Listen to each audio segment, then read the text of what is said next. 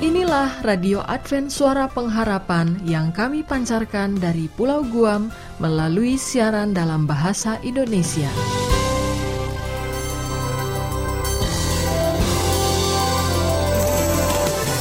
Salam sejahtera kepada saudara pendengar di mana pun Anda berada. Selamat berjumpa kembali dengan kami Radio Advent Suara Pengharapan. Dengan senang hati kami akan menemani Anda dan keluarga dengan rangkaian acara yang telah kami persiapkan bagi Anda sekeluarga dan harapan kami kiranya siaran ini dapat bermanfaat dan menjadi berkat bagi kita semua. Selamat mengikuti dan selamat mendengarkan. Tuhan memberkati.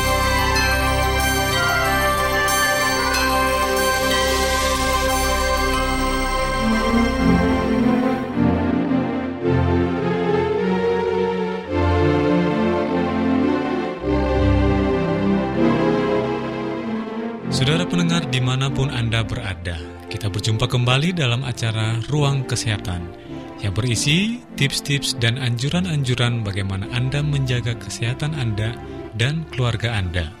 Namun sebelumnya, mari kita mendengarkan lagu pujian berikut ini.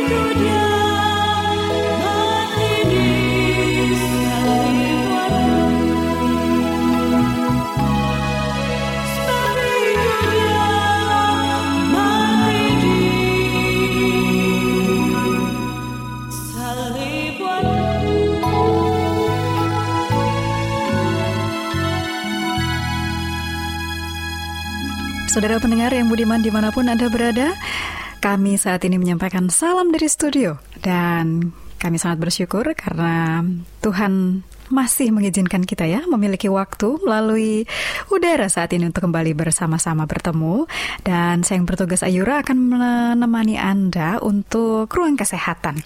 Kali ini mari kita ikuti bersama satu topik yang sudah kami persiapkan. Judulnya adalah rasa kantuk. Tapi tidak berhenti sampai di situ ya para pendengar yang budiman karena waspada rasa kantuk jangan-jangan merupakan gejala dini serangan stroke. Wah, kenapa bisa demikian? Ya, oke. Okay. Jadi um, sekarang itu diperingatkan hati-hati bila kita atau Anda semuanya mengalami rasa kantuk yang berlebihan setiap hari. Sebab bisa jadi itu gejala awalnya stroke. Ini memang didasarkan atas penelitian ilmuwan dan memang yang sering melakukan penelitian itu dari negara Amerika Serikat. Rasa kantuk yang berlebihan setiap hari merupakan tanda awal serangan stroke. Ini berdasarkan penelitian yang dipimpin oleh Dr. Bernadette Boden Albala, yaitu asisten profesor bidang neurologi pada Universitas Columbia, New York, Amerika Serikat.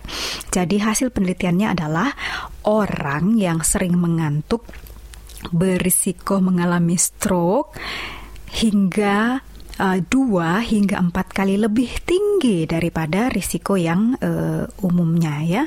Jadi um, hasil ini dibawakan pada konferensi stroke internasional para peneliti menyarankan kepada para dokter, khususnya dokter keluarga nih ya, kalau klien atau uh, bertemu dengan pasien-pasien yang usianya memang sudah lanjut, sudah lansia, terus mereka punya uh, keluhan atau kebiasaan yang jadi mudah tertidur. Contohnya sedang nonton TV ya, kemudian tiba-tiba sudah tertidur. Nah, kalau hal ini terjadi pada orang-orang yang sudah lanjut usia, perlu diperiksa dengan lebih sering dan dengan lebih teliti, sebab risiko stroke-nya terhadap orang yang sudah lanjut usia memang jauh lebih tinggi. Nah, oke. Okay. Jadi kesimpulan yang dilakukan yang didapatkan oleh Dr. Boden Albala itu kalau para pendengar mau tahu ya, penelitian ini dilakukan pada 2000 orang atau responden. Dan 2000 orang ini adalah mereka yang sering ngantuk dan tertidur dalam berbagai situasi. Bayangkan saja ya, kalau kita um, kadang-kadang memang rasa kantuk itu terlihat normal apalagi kalau sudah makan siang dan kenyang sekali ya. Jadi banyak sekali yang mengalami hal demikian. Tapi ini rasa kantuk yang berbeda yang bisa membuat orang itu tidur di mana saja. Mungkin pernah ya melihat atau mengalami sedang naik kendaraan baru duduk atau ya baru duduk kemudian langsung tertidur.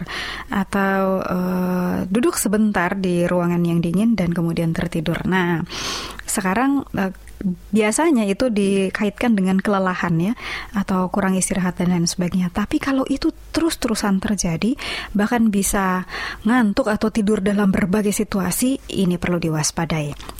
Nah, kita kembali kepada riset yang sudah dilakukan oleh Dr. Albala ya. Jadi, dalam riset pada 2000 responden atau 2000 orang, mereka juga meneliti orang yang tertidur ketika nonton televisi, ketika duduk tiba-tiba tertidur, bahkan ada yang pada saat sedang berbicara ya, sedang berbicara atau berdiskusi, tiba-tiba dia tertidur. Uh, setelah makan siang juga duduk terdiam dan tertidur. Kadang-kadang kalau makan siang di warung itu jadi uh, jadi menyulitkan ya para pendengar. Jangan-jangan dia tertidur dan lupa membayar ya. Dan semua ini adalah tertidur bukan karena pengaruh alkohol atau uh, obat-obat yang lain. Ini betul-betul bebas dari pengaruh obat-obatan. Yang lebih parah lagi dari 2000 responden itu atau dari 2000 orang yang diteliti ada yang pada saat sedang mengemudikan kendaraan dia tiba-tiba berhenti dan tertidur.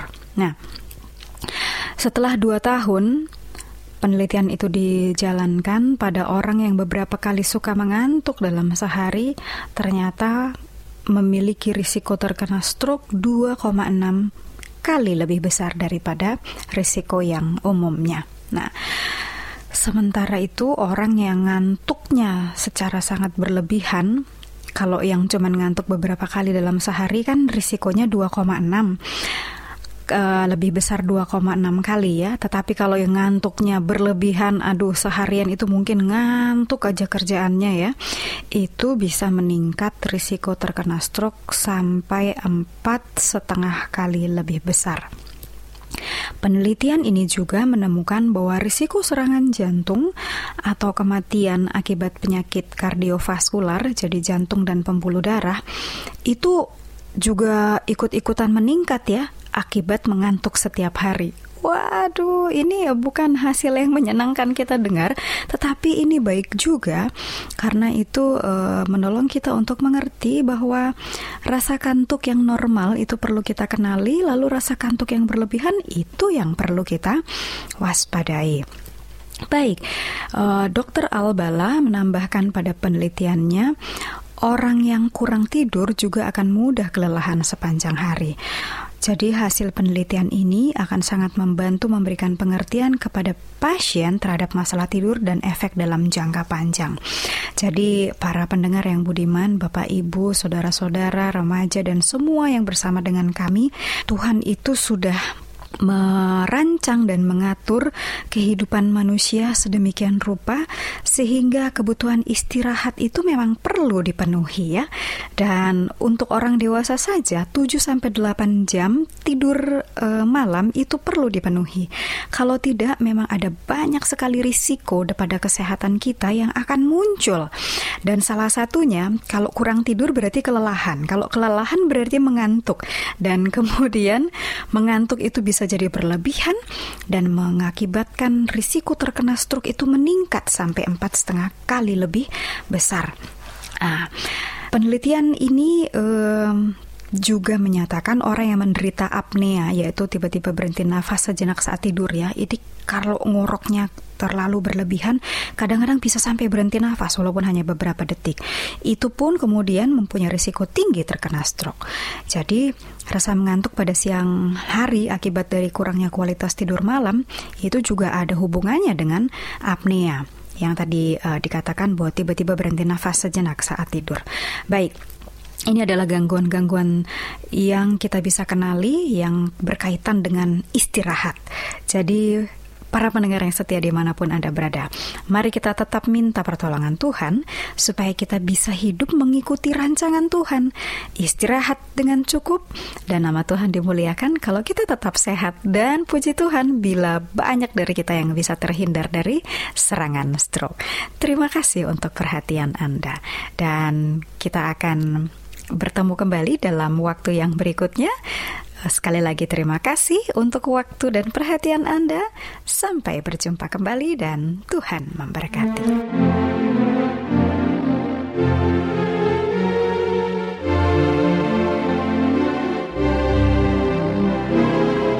Demikianlah ruang kesehatan kita pada saat ini. Semoga bermanfaat untuk kesehatan Anda dan keluarga Anda. Sampai bertemu minggu depan, Tuhan memberkati.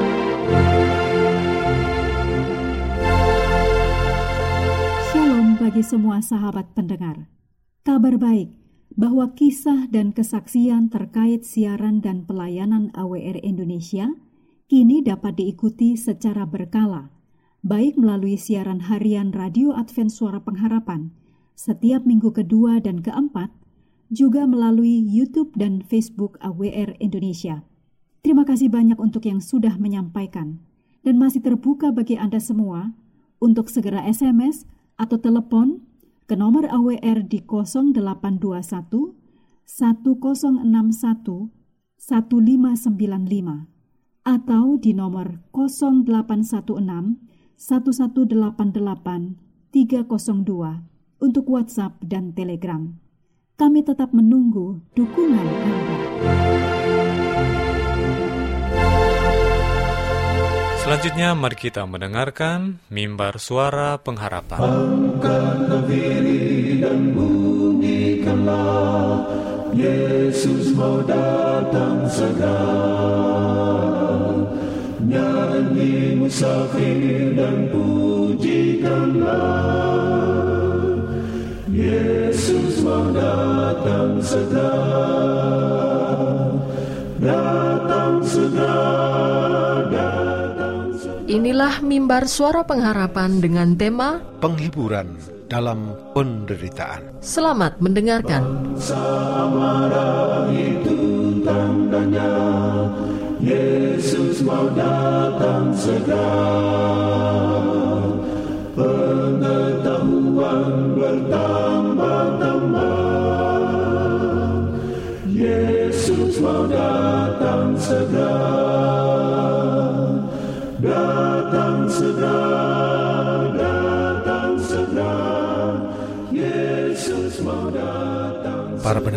berbahagia, selamat berjumpa kembali dalam mimbar suara pengharapan. Kali ini kami datang ke tengah-tengah saudara sekalian dengan sebuah renungan yang berjudul Penghiburan dalam Penderitaan. Dalam Yohanes pasal 3 ayat 16. Karena begitu besar kasih Allah akan dunia ini, sehingga ia telah mengaruniakan anaknya yang tunggal, supaya setiap orang yang percaya kepadanya tidak binasa, melainkan peroleh hidup yang kekal. Oswald Chambers mengatakan, akar dosa adalah ketidakpercayaan bahwa Allah itu baik.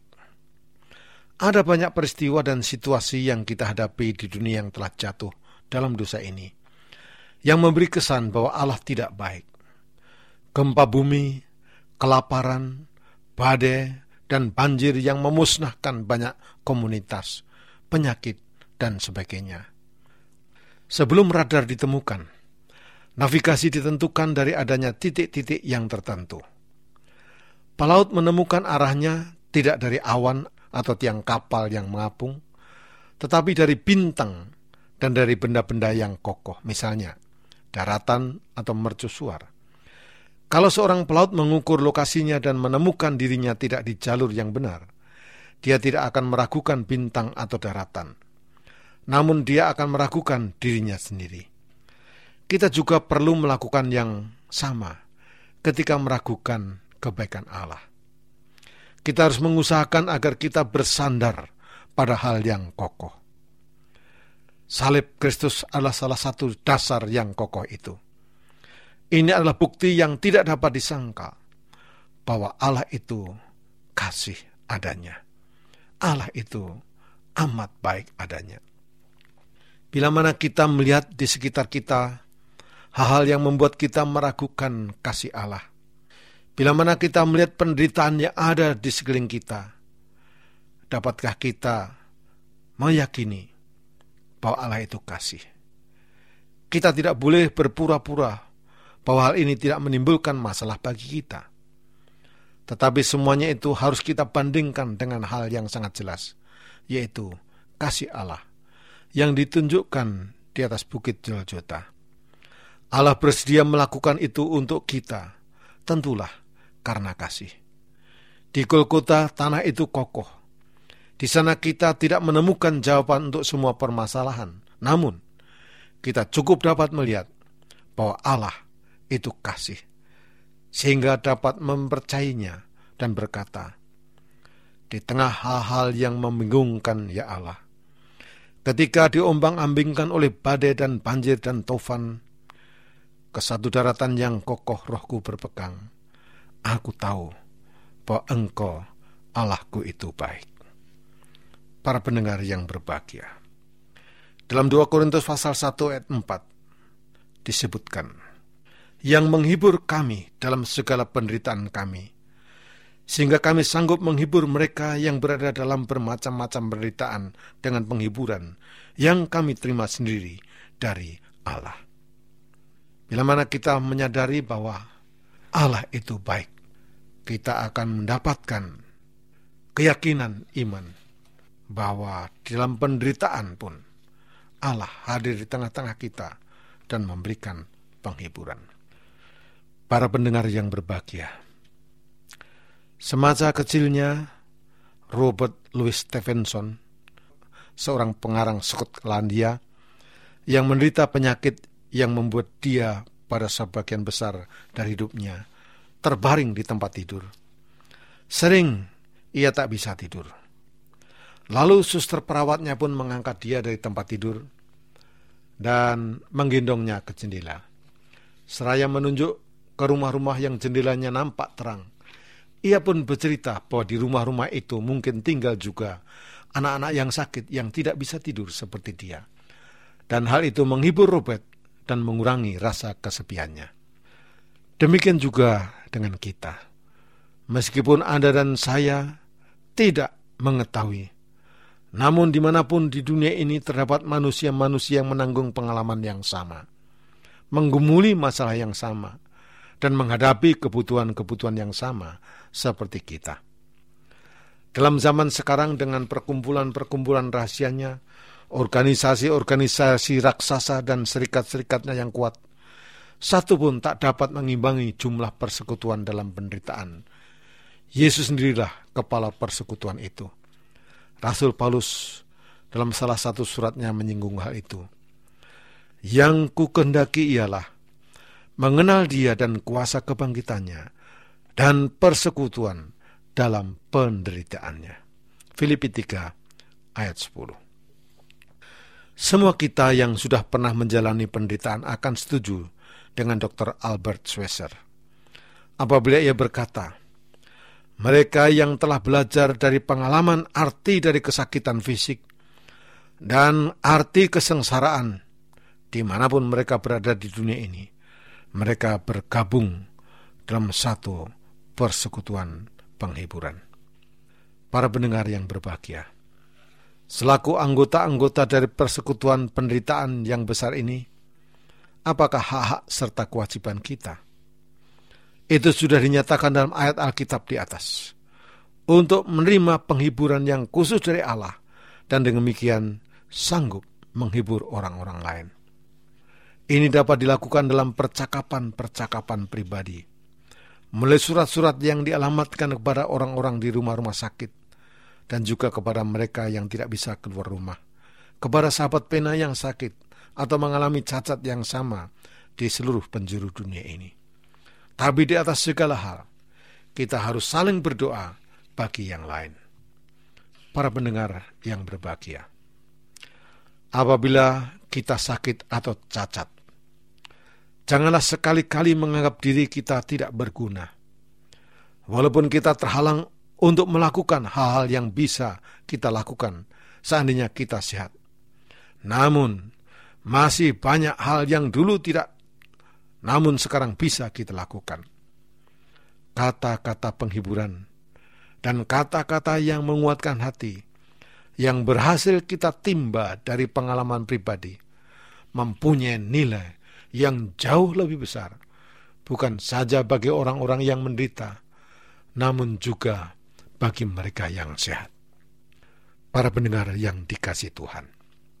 Sebab itu, baiklah kita sebagai umat yang percaya, sekalipun kita harus menderita penderitaan, namun kita dapat menimba dari sumber segala penghiburan yaitu dari Allah sendiri, dan kemudian bertindak sebagai penyalur-penyalur penghiburan bagi orang-orang lain. Kiranya Tuhan memberkati kita semua. Amin.